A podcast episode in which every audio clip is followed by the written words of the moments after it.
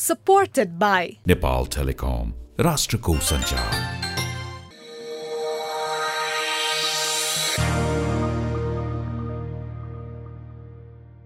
supported by Nepal Telecom, Rashtrako Sanchar.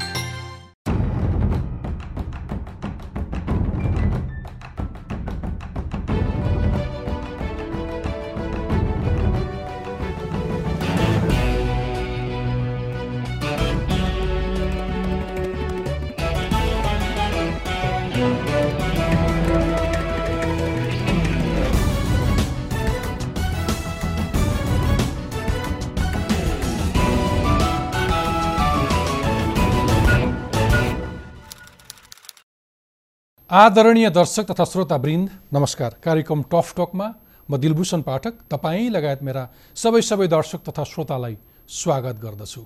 Himalaya टेलिभिजनमा हरेक बिहिबार साँझ नौ बजे प्रसारण हुने यो कार्यक्रम तपाईँ टफ टकको आफ्नो युट्युब च्यानलमा टफ टक प्रस्तुतकर्ता इन्टरफेस नेपालको web page interface Nepal dot com र हाम्रो पात्रो एपमा हेर्न तथा आइओएस चलाउने श्रोताहरूले आइट्युन्स र एन्ड्रोइड चलाउने श्रोताहरूले नेपाली पडकास्टमा पनि टफ टक सुन्न सक्नुहुनेछ।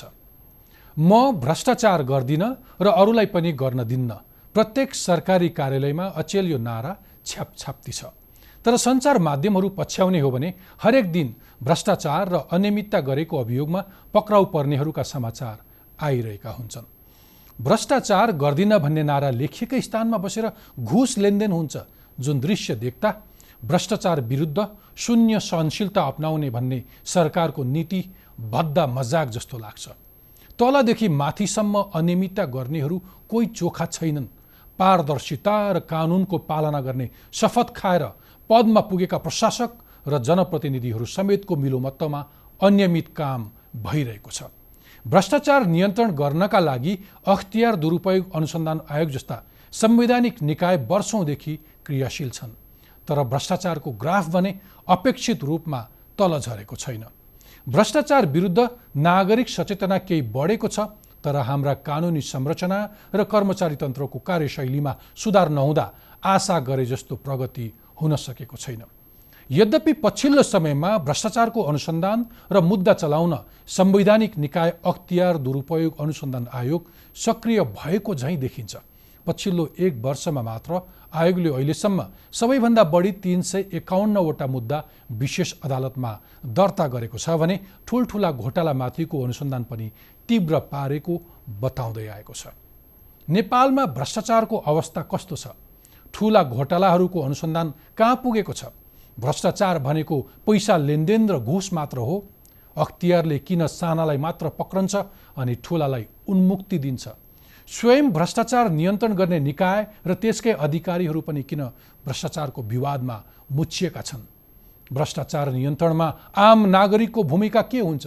तपाईँ हामी चाहिँ कति चोखा छौँ अथवा तपाईँ हामी आम नागरिकले भ्रष्टाचारलाई कसरी निरुत्साहित गर्न सक्छौँ? यस्तै प्रश्नको जवाब खोज्न आज मसँग हुनुहुन्छ नेपाल सरकारको सचिव पदबाट अवकाश पाएर चार वर्षदेखि अख्तियार दुरुपयोग अनुसन्धान आयोगमा कार्यरत आयुक्त डाक्टर गणेश राज जोशी।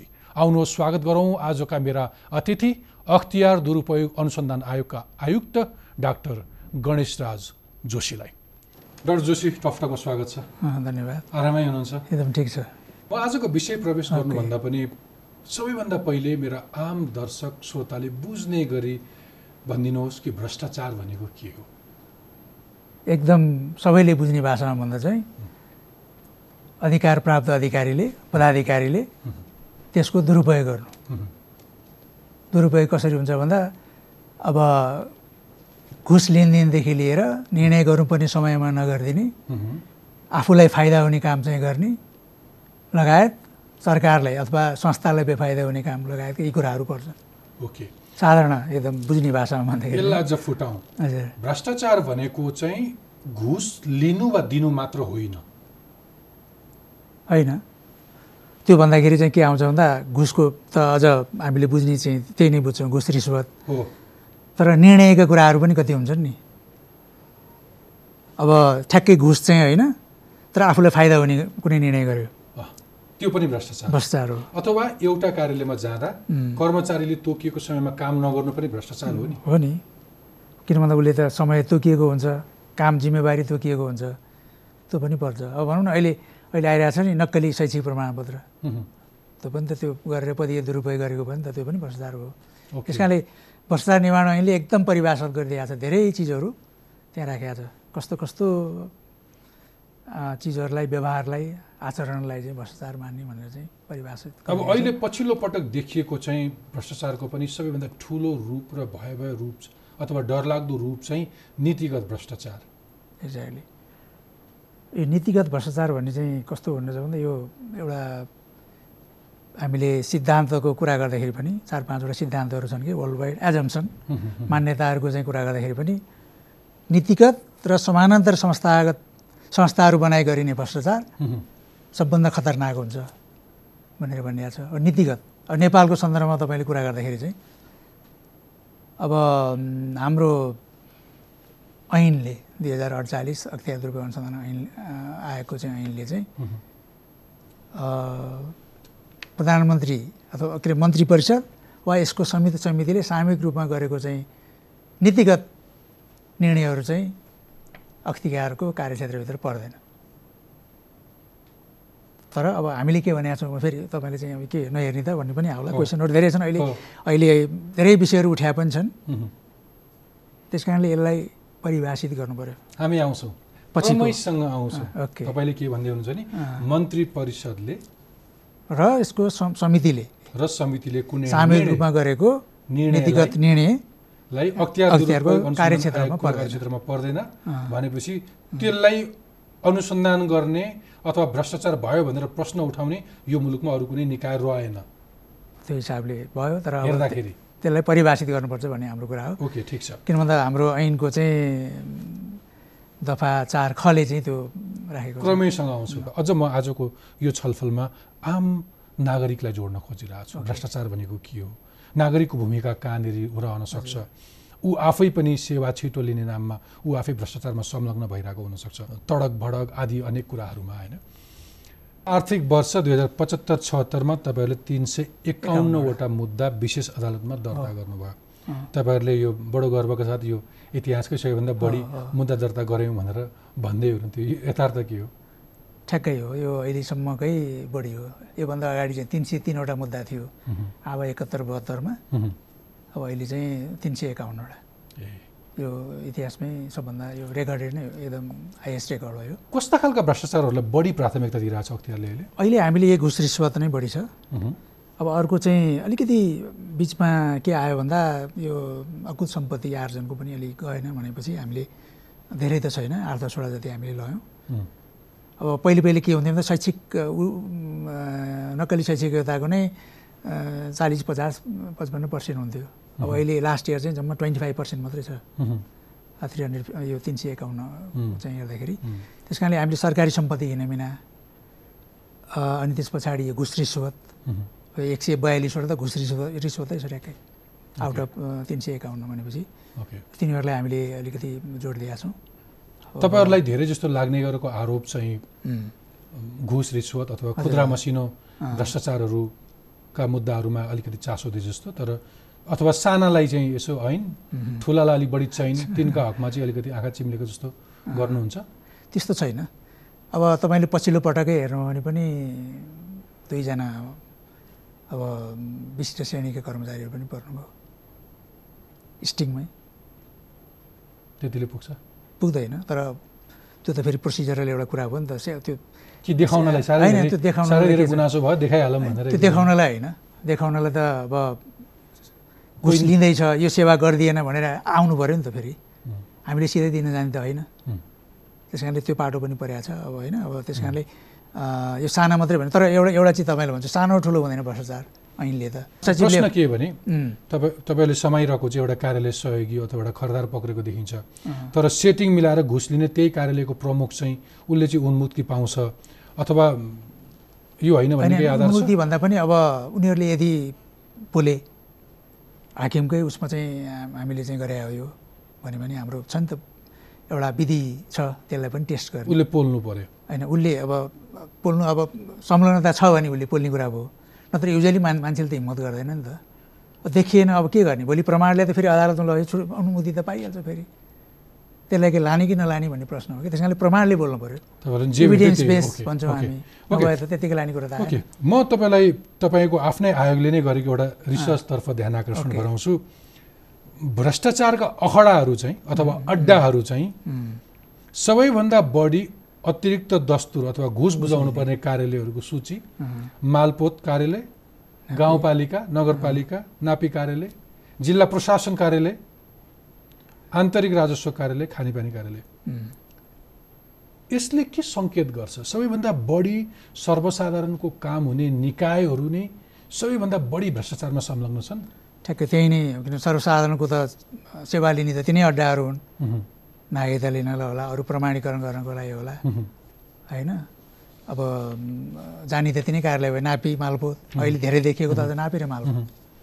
त्यस कारणले जहाँ सेवाग्राहीको चाप हुन्छ तिनै अड्डाहरूमा चाहिँ काम गरिदिए बापत सेवा प्रवाह गरिदिए बापत अतिरिक्त दस्तुर रिश्वत माग्ने चलन चाहिँ बढी भयो। हाम्रो यो सेवाग्राहीको हामीले चौतिस सय सेवाग्राही जसले सेवा लिएर एक्जिट एक्जिट सर्वे सेवा लिएर चाहिँ अड्डाबाट निक्लिनु भएको थियो उहाँहरूले गरेको सर्वेक्षणको आधारमा। के कारण यस्तो?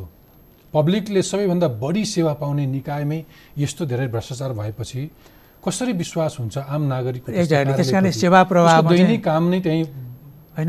हामी सुशासनको कुरा गर्छौँ भ्रष्टाचार नियन्त्रण मार्फत हुन्छ सुशासन दिलाउन त सेवाग्राहीले पनि समयमा उसले चाहेको सेवा र जति दस्तुर लाग्ने हो त्यतिमा पाउनु पऱ्यो त्यस कारणले अब अहिले आइरहेको छ नि अलिकति स्मार्ट अफिसहरू बनाउने अब कतिपय हाम्रो अटोमेसन मार्फत। अब त्यो चाहिँ ब्याङ्क उसबाट चाहिँ हालिदिने गरे त्यसले पनि के त फरक पर्छ? भने कर्मचारीको मनोवृत्ति त त्यही भ्रष्ट। होइन होइन तपाईँको प्रत्यक्ष कुनै सेवा दस्तुर तिर्नुपर्ने छ भने तपाईँ ब्याङ्कको चाहिँ कुनै भौचर त्यहीँ भरिदिएर तिर्ने चाहिँ व्यवस्था भयो भने त सकियो नि। तर पछि अटोमेसनबाट प्रमाणपत्र लिन जाने बेला फेरि त्यसलाई अब ग्रेजुअली घटाउनु घन्टौँ लगाइदिन्छ नि त नागरिकता लिन जाँदा मान्छेको भेरिफिकेसनको कुरा छ त्यो प्रवृत्तिको कुरा हो त्यो अथवा मैले भनेको जुनै पनि। भौचरसम्म तिर्ने त।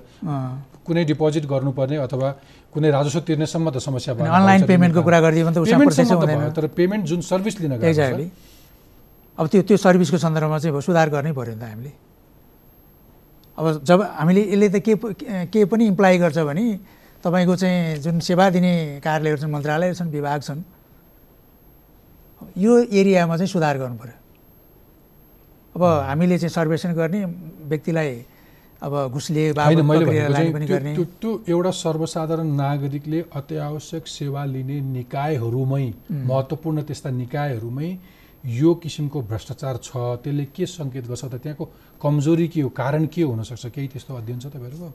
त्यो ठ्याक्कै त्यो जसरी रिपोर्टिङ रिपोर्टिङ, तपाईँले रिसर्च गर्दाखेरि त्यो अरू त हाम्रो त्यस्तो। छैन। अब एउटा चाहिँ मैले आफैले पर्सनली एउटा अलिकति। दण्डहीनता हो अथवा दण्डहीनतै हो नि, तपाईँहरूको। पहुँच नपुगेको हो अथवा त्यहाँ राजनीतिक संरक्षण अब कतिपय संरक्षण पनि होला। कतिपय त्यही संरक्षणको आधारमा यस्ता अड्डाहरूमा सौरा भएर जाने प्रविधि पनि थियो नि। होइन?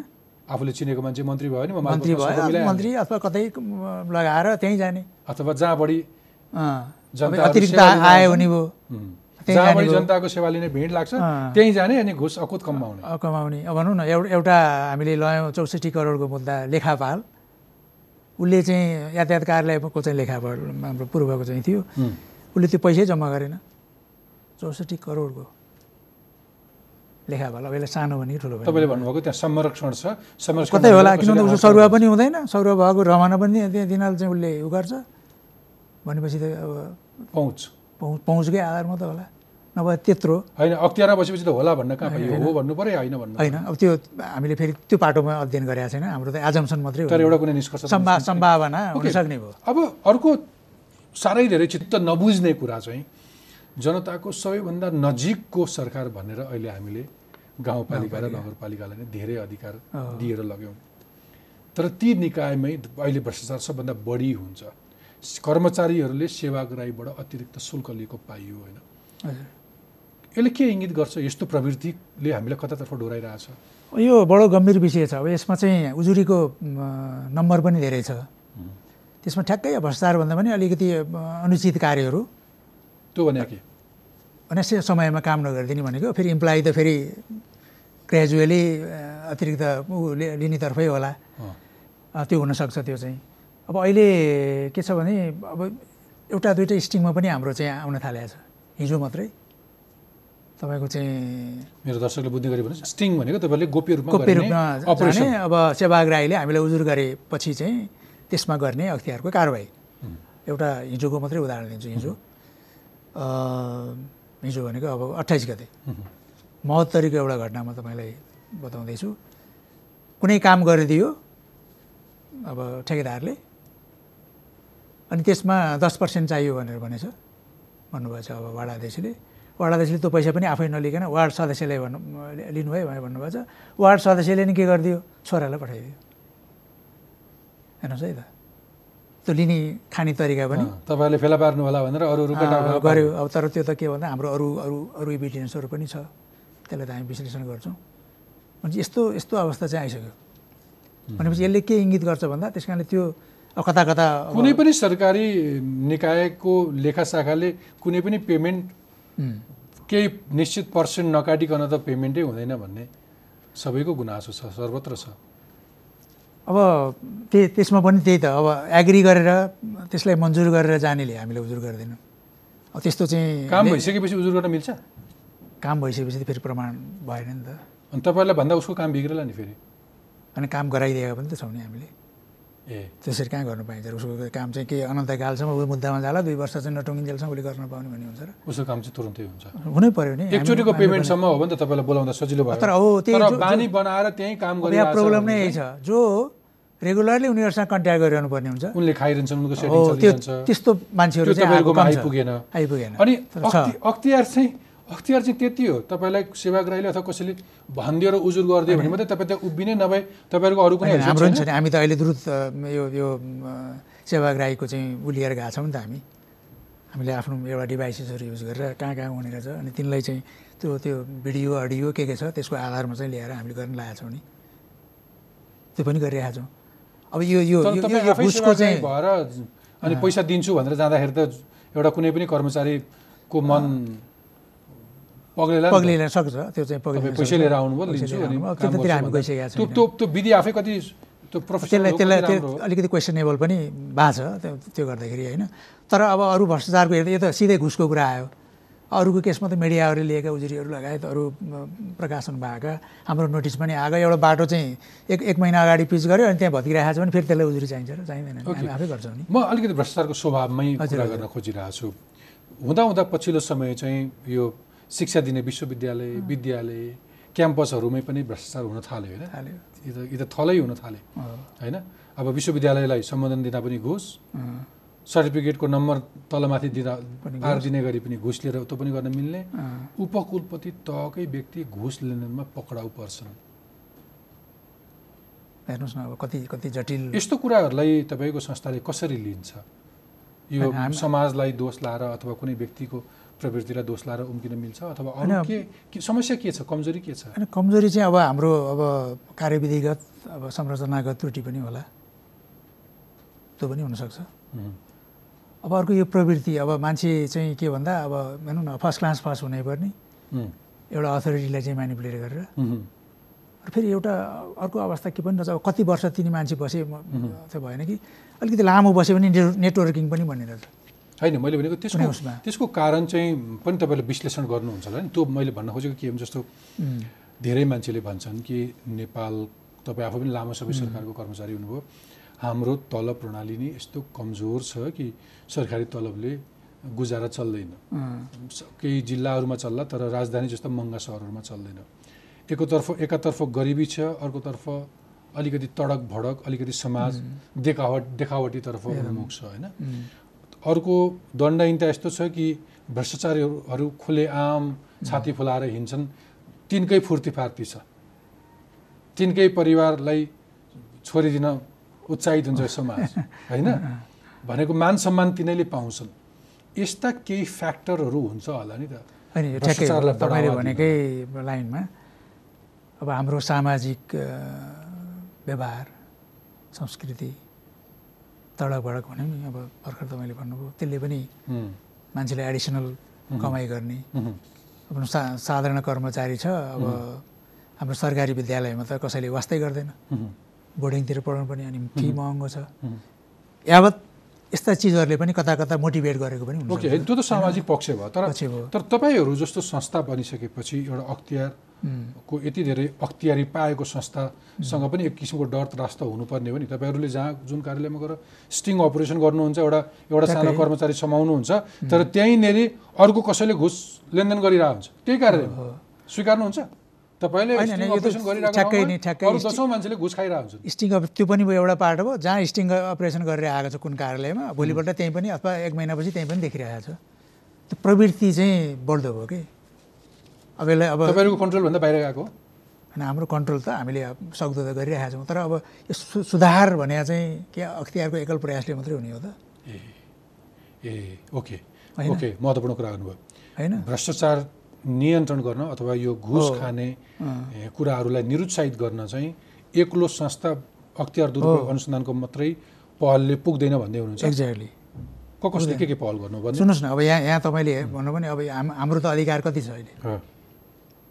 अहिले हामी केही समय अगाडि भन्थ्यौँ यो संविधान आउनु अगाडि चालिस पर्सेन्ट छ भन्थ्यौँ। त्यो अनुचित कार्य हुँदा। अनुचित पनि गएपछि त अब त वान थर्ड छ कि जस्तो चाहिँ लाग्दा। हामीले के भन्नु सार्वजनिक पदाधिकारी नै हो।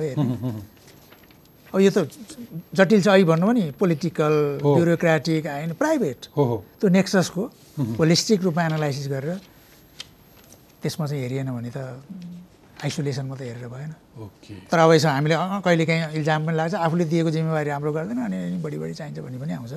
तथापि ओके। त्यसलाई इन्टरलिङ्केजेस। अन्तर सम्बन्ध त्यसलाई केलाएर हेरिएन भने। यो अपूर्ण पनि होला। ओके। त्यो भनेको के के? तपाईँको क्षेत्र मलाई बुझ्ने गरी भन्नुहोस्। तपाईँको क्षेत्र अधिकार अहिले हामी अङ्क आएको चाहिँ पार्टी भइसक्यौँ फेरि अख्तियारले हेर्नुपर्छ भन्नु खोजेँ होइन। हामी चाहिँ यो भ्रष्टाचार विरुद्धको अन्तर्राष्ट्रिय महासन्धिको पक्ष राष्ट्र भइसक्यौँ। दुई हजार एघारमा हामीले त्यसलाई अनुमोदन पनि गऱ्यौँ त्यसले के भन्छ सहकारी निजी क्षेत्र तिनीहरूको एकाउन्टिङ राख्नेदेखि लिएर सबै चिज व्यवस्थित हुनु पऱ्यो एउटा कसैले हेर्ने चाहिँ निकाय हुनु पऱ्यो भन्ने चाहिँ छ। होइन? हुन त हामीले हाम्रो ऐनमा पनि अलिकति चेन्ज गरेका छौँ। अब सहकारी वित्तीय क्षेत्रहरू पनि अलिकति हेर्न पाउनुपर्छ किन भन्दा सहकारीकै यत्रो अहिले चाहिँ ऊ आयो। अब त्यो अब संसदले चाहिँ कसरी कुन रूपमा चाहिँ ल्याला अर्को पाटो हो। त्यस कारणले अब अहिले तपाईँ निजी क्षेत्रको चाहिँ हेर्ने को छ त छ नि निकाय त छ। मैले उसलाई प्रभावकारी भयो भएन भनेर मैले जज गर्नुभन्दा पनि कतिको छ सबैले बुझिराखेकै कुरा हो। अब अहिले के के पनि सुन्नमा आउँछ भन्दा चाहिँ यो लिङ्क छ। केही निजी क्षेत्र व्यवसायहरू अब पोलिटिकल अथवा अरूबाट पनि जोडिएको छ भनेर भन्ने आउँछ। अझै अझै बुझ्ने गरी भनिदिनुहोस्। अझै। बुझ्ने गरी भन्नुहोस् अथवा तपाईँ के भन्दै हुनुहुन्छ भने अख्तियारसँग पनि धेरै अख्तियारी छैन अथवा उसको कार्यक्षेत्र छैन, सीमित छ। सीमित छ। सार्वजनिक पदाधिकारी प- पद धारण गरेको व्यक्तिको मात्रै हेर्ने हो। उसले सार्वजनिक पद धारण गरेको त्यो भनेको बुझ्ने गरी भन्नुहोस्। सरकारी अन्तर्गतका संस्थाहरू त्यही भयो। त्यो मात्रै हेर्ने भयो। तर निजी संस्था मसँग एउटा निजी संस्था छ मैले धेरै भ्रष्टाचार गरे हुन सक्छु तर मलाई तपाईँले हेर्ने ठाउँ भएन। छैन। छैन। त्यो त हेर्ने त अब सम्पत्ति शुद्धिकरण छ। एउटा पक्ष त्यो भयो। अर्को पक्ष तपाईँले अघि भन्नुभयो कि नीतिगत तहमा पनि मन्त्री परिषद अथवा उसको समितिले सामूहिक रूपमा गरेको नीतिगत निर्णय। यी समितिहरूले गरेको निर्णय पनि अख्तियारले बोल्न पाउँदैन। अनि सबैभन्दा बढी भ्रष्टाचार त्यतातिर छ भनेर इङ्गित गर्दै हुनुहुन्छ? होइन इङ्गित त गरे होइन होइन? इङ्गित गरे होइन। कहिलेकाहीँ अझ त भनौँ न हामीले मैले सिधा अर्थमा चाहिँ भनेको चाहिँ के भन्दाखेरि नीतिगत निर्णय भनिएको छ नि त। नीतिगत भनेको त के प्रकुमेन्ट फलानु चाहिँ देशबाट यति चाहिँ मल ल्याउने यति चिनी ल्याउने फलानु आयोजना कुनै कम्पनीलाई अमुक कम्पनीलाई दिने भने नीतिगत निर्णय हुन सक्ला र। नीतिगत निर्णय त कस्तो होला मेरो मेरो विचारमा? कस्तो चाहिँ निर्णय चाहिँ नीतिगत हुनसक्छ भन्दाखेरि चाहिँ कुनै नदी बहावको क्षेत्र छ। त्यहाँ पचास मेगावाट अथवा पाँच सय मेगावाट सय मेगावाटभन्दा बढी विद्युत उत्पादन गर्ने कोही संस्था आउँछ भने उसलाई पाँच वर्ष अथवा दस वर्ष आयकर छुट पनि दिने। त्यो चाहिँ नीतिगत अथवा इक्विपमेन्ट साइन मेसिनरीहरू ल्याउँदा ट्याक्स एक्जम्सन गर्ने ड्युटी यति पर्सेन्ट लाउने भन्ने भयो। नीतिगत होला त। फलानु चाहिँ आयोजना बनाउन फलानुले दिने। फलानु देशबाट यति टन चाहिँ यति ल्याउने यो हुँदैन मेरो मेरो मेरो फलाना देशको फलानालाई नै दिने। भन्ने चाहिँ त्यो कुनै कुनै सरकारले भन्छ अथवा तपाईँले भनेको कुनै समितिले भन्छ त्यो सिधा सिधा भ्रष्टाचार हो त्यो त्यसलाई डिफाइन गर्नु पर्यो नीतिगत। गर्नुपर्छ किन होइन, भन्दा सिधा सिधा किन भनिदिनुहोस् भन्दा, त्यो। भ्रष्टाचार हो नीतिगत त्यसलाई तपाईँको कार्यक्षेत्रभित्र भ्रष्टाचारै। नभनौँ होइन तर तर नीतिगत निर्णयको कुरा गर्दैछु मैले अब नीतिगतभित्र भ्रष्टाचार पनि हुन सक्ला नहुन सक्ला। त्यो पाटो त हामीले अहिले हेरि नै गर्नु मन्त्री परिषदले गरेको निर्णयमा हामी पसेकै छैनौँ। त्यस कारणले त्यसले भ्रष्टाचार पनि भन्न मिलेन। तर त्यस कारणले डिफ परिभाषित गरिदिनु पर्यो। ओके त्यसो भए कस्तो खालको नीतिगत निर्णय हो? ए। होइन? त्यसले गर्दाखेरि तपाईँलाई हाम्रो हाम्रो हाम्रो चाहिँ हाम्रो अनुरोध चाहिँ सरकारलाई हाम्रो ऐन बनाउँदा यो गरिदिउँ जसले गर्दा ओके भोलि ओके होइन? ठिक छ। त्यो त्यो गर्नु पाइन्छ नि किन भन्दा यत्रो जनताले चुनेर आएको सरकारले निर्णय चाहिँ जनताको हितमा गर्नलाई नपाइने भन्ने त छैन। तर परिभाषित गरिदिउँ नीतिगत निर्णय कस्तो हो त? यी खालका चाहिँ नीति हुन् नीतिगत निर्णय हुन् अरू होइनन्। ओके। अथवा तिथि हुनु भनेपछि अरू यसै पनि भएन। ठिक छ। त्यसमा तपाईँले अख्तियारको कार्यक्षेत्रमा नपरेका कुराहरू गर्नुभयो। अब तपाईँलाई पछिल्लो केही ठुला घोटालाहरूको विषयमा कुरा। गरौँ। जस्तो अहिले चर्चित बनेको बालटा ललिता ललिता निवास। निवासको जग्गा छानबिन प्रकरण कहाँ पुग्यो? त्यसलाई पनि तपाईँले कुनै नीतिगत अथवा तपाईँको कार्यक्षेत्र अब अहिले होइन हामीले पर्दैन। गाह्रो छ? अहिले हामीले हेरि नै राखेका छौँ। त्यसलाई चाहिँ कहाँ पुग्यो मेरो प्रश्न? यो बयान लिने क्रममै छ। किन भन्दा एकपटक हामीले झन्डै उनानब्बेजनाको चाहिँ नोटिस निकाल्यौँ। बयान मात्रै लिँदै हुनुहुन्छ। कहिले टुङ्गो लाग्छ यो? टुङ्गो त बयान त लिनै पऱ्यो नि। प्रमाण त नपुर्याएर भोलि अभियोजन गऱ्यो भने पनि फेरि यी यहाँनिर चाहिँ प्रमाण फलाना लिनुपर्ने थियो लिएन। उन्मुक्ति दियो भन्ने पनि आउँछ फेरि। त्यस कारणले यसको अङ्ग र ढङ्ग ढङ्ग चाहिँ पुऱ्याउनु पऱ्यो नि त फेरि। भनेपछि त्यो त्यहाँ त राजनीतिक व्यक्तिदेखि लिएर प्रभावशाली व्यापारीहरू ठुल्ठुला बिचौलियाहरू जहाँ जहाँ समानता छ सबै सबैको कनेक्सन देखियो ती सबैलाई अनुसन्धानमा ल्याउनु भएको छ? आउ आउनुहुन्छ। अब उहाँहरू ग्रेजुएली जो जो छन्। अँ। किन भन्दा कहिले हामीले आउनुहुन्छ? भएर जनताले बिर्सिन्छन् एक दिन डेढ त मैले भन्ने त होइन नि। भन्न सक्ने कुरा भएन अहिले होइन। किनभने अनुसन्धान अधिकृत हाम्रो चार चारजनाको टोलीले एउटा एउटा सहसचिवको नेतृत्वमा चाहिँ हामीले लगाएका चाहिँ छौँ। अलिक कमजोरलाई अलिक कस्ने शक्तिशालीलाई उन्मुक्ति दिने त्यस्तो कुनै हुँदैन। त्यस्तो हुँदैन। अब तपाईँको चाहिँ सह संलग्नताको आधारमा चाहिँ हामीले गर्ने कुरा हो त्यो। केही अनुमान छैन कहिलेसम्म टुङ्गिन्छ। ठ्याक्कै भन्नु त मैले सकिनँ अहिले। फेरि मैले यो तपाईँले सोध्नुहुन्छ भने अब चाहिँ बुझेर पनि आउँथ्यो होला। अनि वाइट बडी जहाज खरिदको विषयमा पनि केही अख्तियारले हेर्नुहोस् अब हो यसमा चाहिँ हेरि नै राखेको छ। अब भन्दाखेरि कहिले टुङ्गिने त भन्ने फेरि तपाईँको पनि क्वेसन होला। हो। अब यो फेरि कस्तो विषय भयो भन्दा यो हामीले डिप्लोमेटिकली पनि कतिपय इन्फर्मेसनहरू लिनुपर्ने अवस्था आयो यसमा। ठ्याक्कै कहाँ कहाँ के भनेर नसोध्नु होला त्यो चाहिँ। बुझेँ। त्यस कारणले त्यो पाटो पनि हामीले हेर्नुपर्ने हुन्छ। ए। हामीले यहीँ हेर्दाखेरि काम भइरहेछ। कुनै ठुला मान्छे अथवा। प्रधानमन्त्रीहरूको नाम आयो। हजुर हजुर। त्यस कारणले तपाईँहरू अलिकति त्यो छैन त्यस्तो छैन। हामीले हाम्रो एउटा संलग्नता अब त्यसको निर्णयको आधारमा को कहाँ कहाँ संलग्न भयो तिनीहरूलाई हामी उहाँहरूलाई हामी शोधनी गरि नै हाल्छौँ। हायत होटलको विवाद कहाँ पुग्यो? हायात होटलको पनि टुङ्गिया छैन। अब यसलाई अब निकट भविष्यमै। उम्, किन भन्दा हामीले पछि हामीले एउटा हेरिराखेका थियौँ। हामीले अब संसदको अन्तर्राष्ट्रिय सम्- सम्बन्ध समितिले पनि एउटा प्रतिवेदन दियो हामीलाई।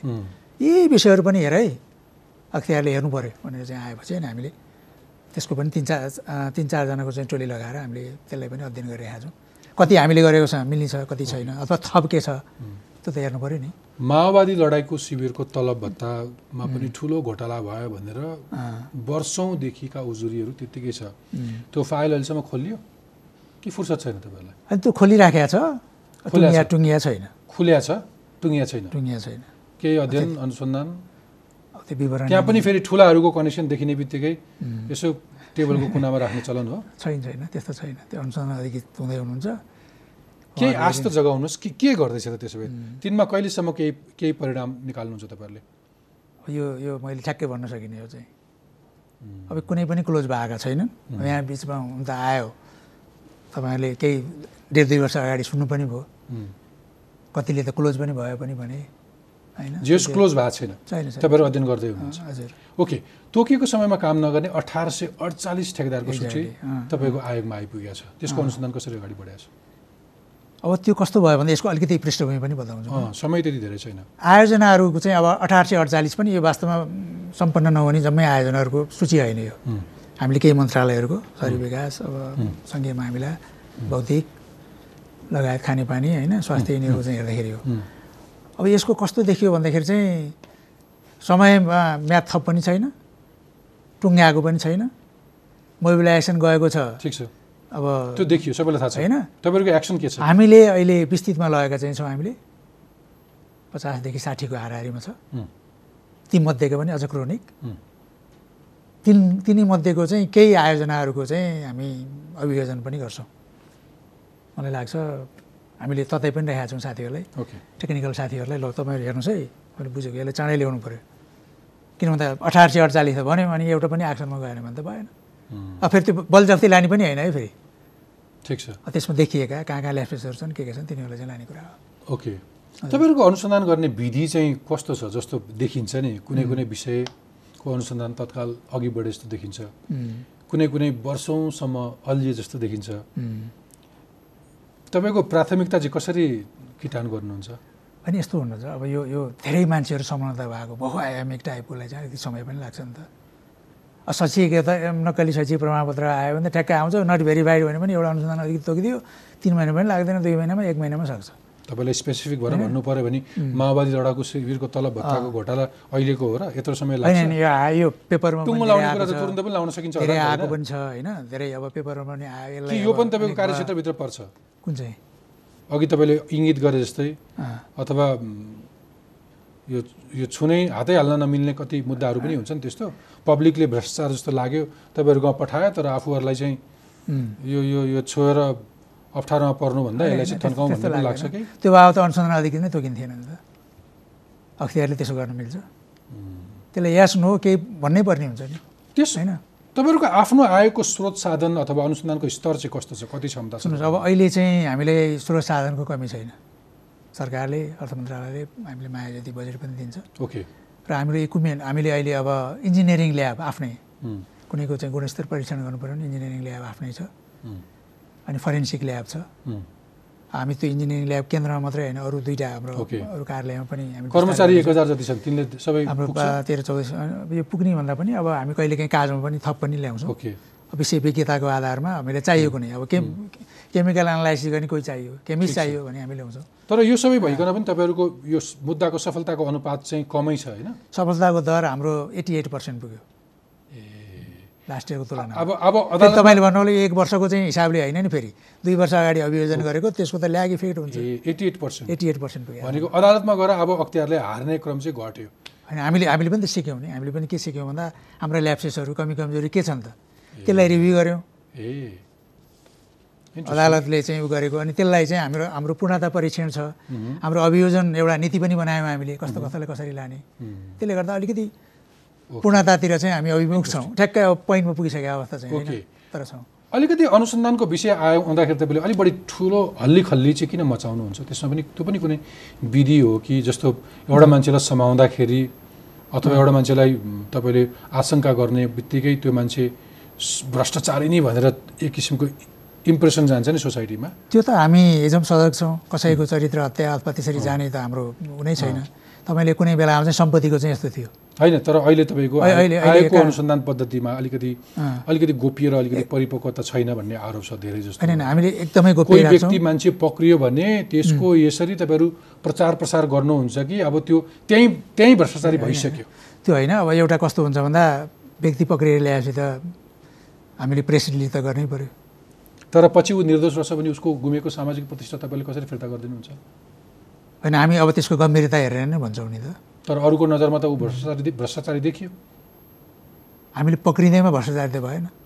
अनुसन्धानै गर्न नपाउँदा भएन।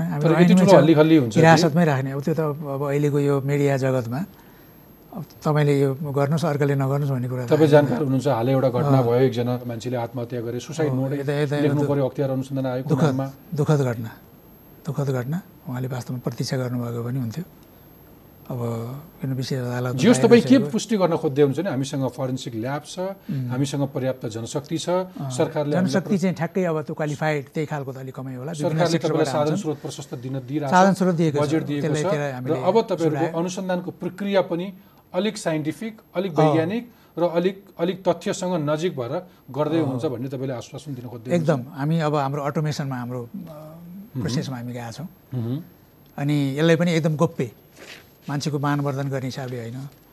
अब त्यसलाई चाहिँ जोगाउनै पर्छ। जस्तो तपाईँले अब सम्पत्तिको केस हेर्नुभयो भने। कसको आएको छ नाम बाहिर भन्नु त? अनुमान गरेर लेख्ने नै कुरा हो? तपाईँहरूले धेरै संस्थाहरू अथवा संस्थानहरूको फाइल विशेष गरी ठुला खरिदसँग सम्बन्धित फाइलहरू ल्याएर राखिरहनुहुन्छ नि अख्तियारमा। उता अडिट गर्ने बेला हुन्छ अनि महालेखाले चाहिँ अख्तियार लगेको छ भनेर भन्छ। अनि तपाईँहरू त्यो ठुलो ठुलो खरिद भएको फाइलहरू तपाईँहरू आफू राखिरहनुहुन्छ। अनि अलिक पछि समय गुज्रेपछि त्यो फिर्ता गर्नुहुन्छ। त्यहाँभित्र पनि केही चलखेल हुन्छ कि। ल्याउनुहुन्छ? हाम्रो के छ भन्दा विस्तृत अनुसन्धानमा पछि पछि मात्रै हामी सक्कल कागजातहरू लिन्छौँ। कुनै बेला थियो तपाईँले भन्नुभएको जस्तो पनि अवस्था चाहिँ थियो। तर अहिले कुनै बेला चाहिँ हामी के गर्छौँ भन्दा उजुरी परेपछि त अनुसन्धान गर्नु पऱ्यो त्यस कारणले हामी के नै माग्छौँ भन्दा प्रमाणित कागजातहरू पठाइदिनु तपाईँ भन्छौँ हामी। सक्कल चाहिँ विस्तृतमा छिरेपछि अब त्यहाँ अलिकति गम्भीर शङ्काहरू उब्जिए भनी मात्र। भने अब त्यसमा चाहिँ अलिकति डिटेलमा हेर्नुपर्ने भयो भनेपछि त्यसो पहिले पहिले चाहिँ अरू कुनै आशयले पनि त्यो फाइल ल्याउने गरिन्थ्यो। त्यो आयो अब किनभने विकास विरोधी हो भनेर हामीलाई आयो पनि इल्जाम पनि आयो। अब रोकिएको अवस्था पनि देखियो हामीले पनि पर्सिभ गऱ्यौँ। होइन यसरी भएन। अब हामीलाई अब धेरै पोलिटिकल पनि अरू। भित्री पनि चलखेल हुन्थ्यो भन्ने सूचना। त्यस्तो त लाग्दैन। अब यो। त्यो चाहिँ अब कसले के पर्सिभ गरेर भन्नुभयो होइन? ओके। अब मलाई सिधा सिधा भनिदिनुहोस्। तपाईँहरूकोमा आएको मुद्दाहरूमा अथवा भ्रष्टाचारमा राजनीतिक संरक्षण कति छ? राजनीतिले त संरक्षण हुँदैन भ्रष्टाचारलाई त। हामी सुन्दैनौँ नेपालको भ्रष्टाचारमा राजनीतिक संरक्षण छैन संरक्षण होला तर हामी हामीले अभियोजन गर्ने अथवा हामीले अनुसन्धान गरेको सन्दर्भमा राजनीतिज्ञहरूले त्यसो हेरिदिनु है भनेर भन्न त भन्नुहुन्छ तर त्यो हेरिदिएको कसैले भनेको भरमा कसैले संरक्षण कसैले नगर्ने कुरा चाहिँ हुँदैन तपाईँलाई मैले आरोप लगाएको होइन तर लार्जर समाजमा जुन रूपमा भ्रष्टाचार बढेर गयो त्यसमा चाहिँ राजनीतिक संरक्षणको कारण पनि भ्रष्टाचार बढ्यो अथवा दण्डहीनता बढ्यो भन्ने आम गुनासो छ। कतै तपाईँको प्रमुख आयुक्तज्यूको पनि अभिव्यक्ति देखिरहेको थिएँ कि यो राजनीतिक संरक्षण नहुने हो भने भ्रष्टाचार यति मौलाउँदैन थियो भन्ने। यस्तो हो। यो त यो त अब आयाम त यो त यसको त मल्टिडाइमेन्सनल छ नि त। पोलिटिकल राजनीतिक ऊ पनि छ सामाजिक कुरासँग पनि सम्बन्धित आर्थिक पाटो पनि आयो। हो। यो त सन्तु अन्तर सम्बन्धित विषय नै हो नि त। ठ्याक्कै हामीले पोलिटिकल कारण हो मात्रै भन्नु पनि भएन। ब्युरोक्रासी पनि त आफू पनि त आफूले गर्ने निर्णय गर्दैन। यो चिज हो होइन भनेर मन्त्रीलाई भनिदिँदा पनि त हुन्थ्यो होला नि त। त्यो पाटो पनि त छ नि। हुन्छ मिल्छ मन्त्रीज्यू भनेर भनिदिन थालेपछि मन्त्रीज्यूहरू पनि अलिकति ठिकै त रहेछ यसले भन्नेतिर अलिकति क्रियाशील हुनु तपाईँहरूलाई तपाईँहरूलाई काम कारवाही गर्नलाई गाह्रो छ। हामी छैन हामीले छैन हामीले त्यस्तो छैन। स्वतन्त्रै छौँ अहिलेसम्मको हामीले दिएको क्षेत्राधिकारभित्र रहेर। तर कति भनाइ के छ भने हाम्रो चुनाव पद्धति नै यति महँगो भयो कि त्यो जो चुनावमा आउँछ उसले यति धेरै। खर्च गरेर आउँछ कि चुनावमा जानुभन्दा अगाडि टिकटै किन्दा पनि पार्टीसँग यति मोलमलाइ गर्छ कि त्यो पैसा त असुल्नु पर्यो। ऊ निर्वाचन जित जितेर आइसकेपछि उसले कुनै न कुनै रूपमा आफ्नो लगानी उठाउन खोज्छ। यसकारण पनि भ्रष्टाचारमा राजनीतिको मलजल छ भनेर भनिन्छ नि। तपाईँलाई कस्तो लाग्छ? एकदम सही कुरा गर्नुभयो। खर्चिलो छ। एउटा वडा अध्यक्षले मेरो चाहिँ नगरपालिकाको वडा अध्यक्षले अथवा अरू कुनै कसैको पनि बिस लाख पच्चिस लाख खर्च गर्नुपर्ने भनेपछि अनि उसले कहाँबाट ल्याउँछ उसले। के उसले उसको उसले उसले चाहिँ आकाङ्क्षा राख्छ? भन्दा सिस्टमबाटै उठाउने हो भनेर भन्नेतिर चाहिँ लाग्ला। अनि त्यसले त बढायो नि तपाईँले भन्नुभएको चाहिँ। अहिले देखिँदैछ बिस्तारै। त्यस कारणले यो खर्चिलो हो यसलाई नै गर्नुपर्छ। स्थानीय तहमा हामी- पनि देखिँदैछ केन्द्रमा पनि देखिँदैछ। जहाँ पनि त्यो किनभने त खर्च गरेर आएपछि त उठाइरहेका छन्। उठाउने प्रयत्न रहला अहिले कति उठाएछन् छैन त्यो अर्को हो होइन? तिनलाई ऐठाउने कहिले हो तपाईँहरूले कि मैले यहाँ छ भनेर भनिदिएपछि फोन गरेपछि मात्रै आउने हो होइन फोन फोन मात्रै पनि होइन। अब हामीले हेर्ने त अब अहिले चाहिँ कार्यक्रम आयोजनाहरूमा काम कारवाहीको सन्दर्भमा चाहिँ उहाँहरूको संलग्नता कहाँ कहाँ पुष्टि छ? सबैले भन्नु पनि भएन एउटै डालोमा राखेर हेर्नु पनि भएन। कति मोटिभेटेड पनि हुनुहुन्छ। काम समयमा गर्नुपर्छ। हामीले यो जनतालाई सेवा दिनुपर्छ। हामी दस वर्ष पन्ध्र वर्ष तपाईँको चाहिँ जनताबाट निर्वाचित हुनुपर्छ भन्ने पनि त आकाङ्क्षाका सहित पनि त जानुभएको छ नि होइन? सबैले हामीले एउटै भन्नु पनि मिल्दैन। जो जो त्यतातिर अभिमुख हुनुहुन्छ कुनै दायरामा चाहिँ आउन सक्नुहुन्छ होइन? हाम्रो क्रियाशीलताको। ओके मलाई तपाईँले स्पष्ट अब समयलाई बिट बिट मारौँ। तपाईँले अघि आफ्नो क्षेत्र अधिकारको कुरा गर्नुभयो होइन? हजुर। अथवा तपाईँहरू आफैले पनि भन्नुभएको छ कि अघिल्लो संविधानमा चाहिँ सडचालिस र त्रिसठीको संविधानमा चाहिँ अनुचित। अनुचित कार्य पनि अनुसन्धान गर्न पाउने भन्ने थियो। बहत्तरमा त्यो चाहिँ अधिकार खुम्चाइयो त्यो झिकियो त्यहाँबाट। र अब तपाईँले त्यो त्यो अनुचित कार्य भनेर तपाईँले अनुसन्धान गर्न पाउनुहुन्न। यस्तो छ। यो फेरि कस्तो चिज रहेछ भन्दा मैले छोटो भने। बुझ्ने गरी भन्नुहोस्। अब यो अनुचित कार्य भएको कारणले अख्तियारले बदमासी धेरै गर्यो। ए झल्लै दुःख दियो। त्यस कारणले यो राख्नु नभएर हामी वास्तवमा राजनीतिज्ञहरूको उसमा पनि गएको थियौँ। तपाईँले राखिदिनुहोस्। यो एउटै सिक्काको दुईवटा पाटो हो। आधो बाटोमा पुगेपछि मात्रै थाहा हुन्छ। त्यो अनुचित हो कि भ्रष्टाचार? सुरुमा त कसरी थाहा हुन्छ?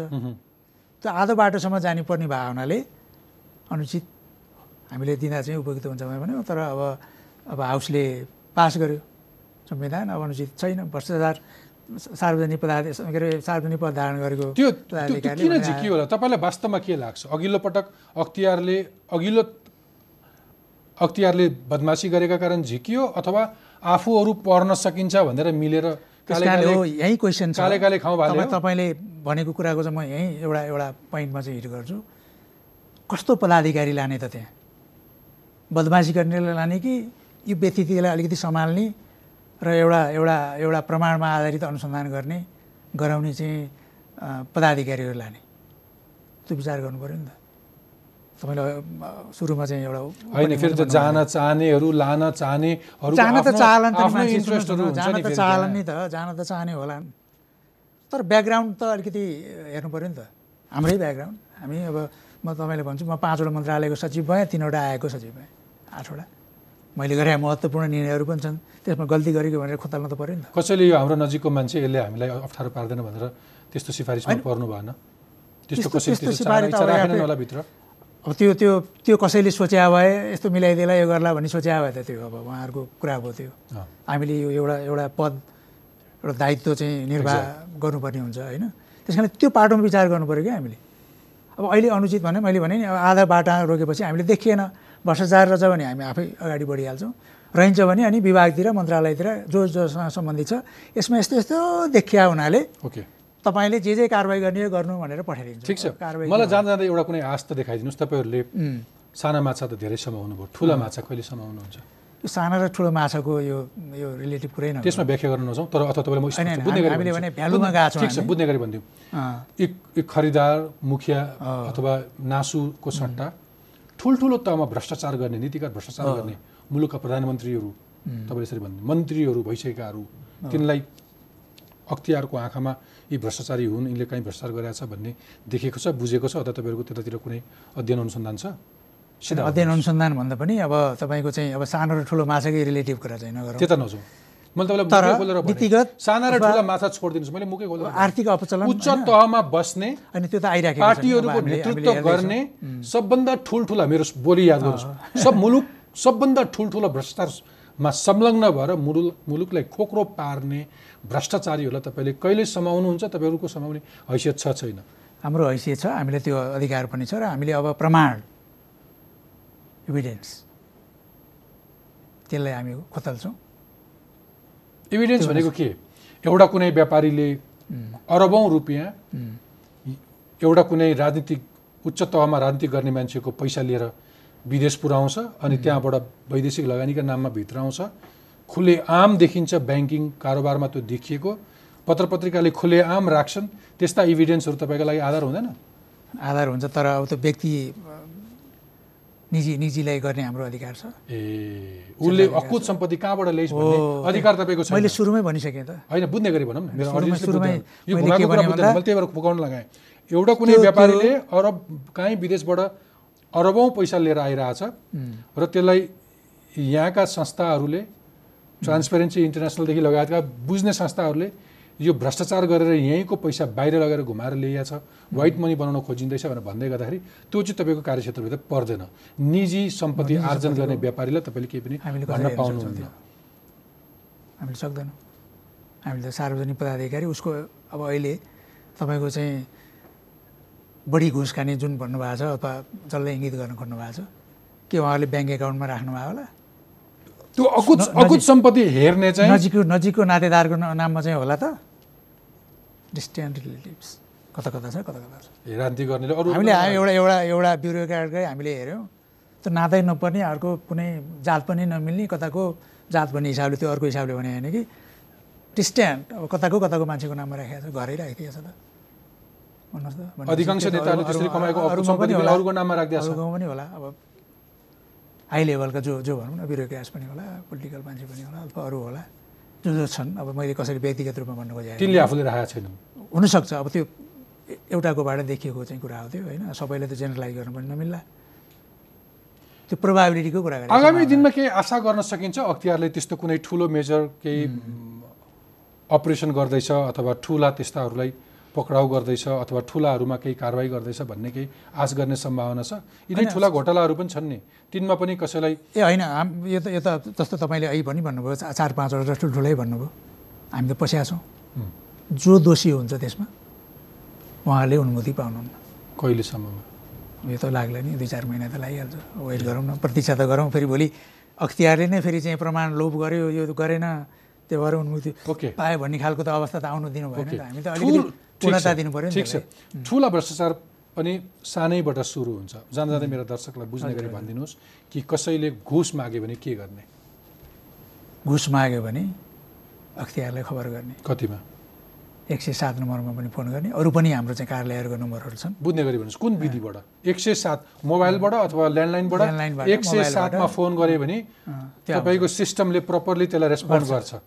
अथवा तपाईँले चाहिँ इमेलबाट पनि पठाउन सक्नुहुन्छ। इमेल गर्न चाहनेले उजुरी at CIAA dot gov dot एनपीमा email पठाउन सक्छ अथवा अख्तियार at NTC dot net dot एनपीमा पनि गर्न सक्छ। पठाउन सक्छ। अथवा अनलाइन कम्प्लेन। अथवा सिआइएए अख्तियार दुरुपयोग अनुसन्धान आयोगको वेब पेजमा गयो भने त्यहाँनिर पनि इमेल पठाउने विधि छ। छ। डाक्टर जोशी तपाईँको महत्त्वपूर्ण समय र विचारका लागि धेरै धेरै धन्यवाद। तपाईँलाई पनि धेरै धेरै धन्यवाद। भ्रष्टाचार र अनियमितताको अवस्थाबारे यति बहस गरेपछि मेरो प्रश्न तपाईँ दर्शक र श्रोताहरूप्रति पनि छ। भ्रष्टाचार कुनै एक पक्षले गरौँ भनेर मात्र हुँदैन जब अर्को पक्षले त्यसमा सघाउँदैन। अर्थात् तपाईँ हामी नै आफ्नो काम छिटो र नियम विपरीत गराउन सहजै घुस अफर गर्छौँ। कुनै कार्यालयमा जान्छौँ र समयमा काम हुँदैन भने पैसा दिने होइन उजुरी गरौँ कार्यालय प्रमुखलाई प्रश्न गरौँ अख्तियारमा वा प्रहरीमा खबर गरौँ। यो विधि नअपनाइकन सिधै पैसा दिन थाल्यो भने भ्रष्टाचार कहिल्यै रोकिँदैन। त्यसैले घुस खानु जति ठुलो अपराध हो घुस दिनु पनि त्यत्तिकै अपराध हो। त्यसैले हामी कोही पनि अपराध कर्मको सहयोगी नबनौँ। कार्यक्रमका बारेमा तपाईँको प्रतिक्रियाको अपेक्षासहित बिदा माग्छु। नमस्ते।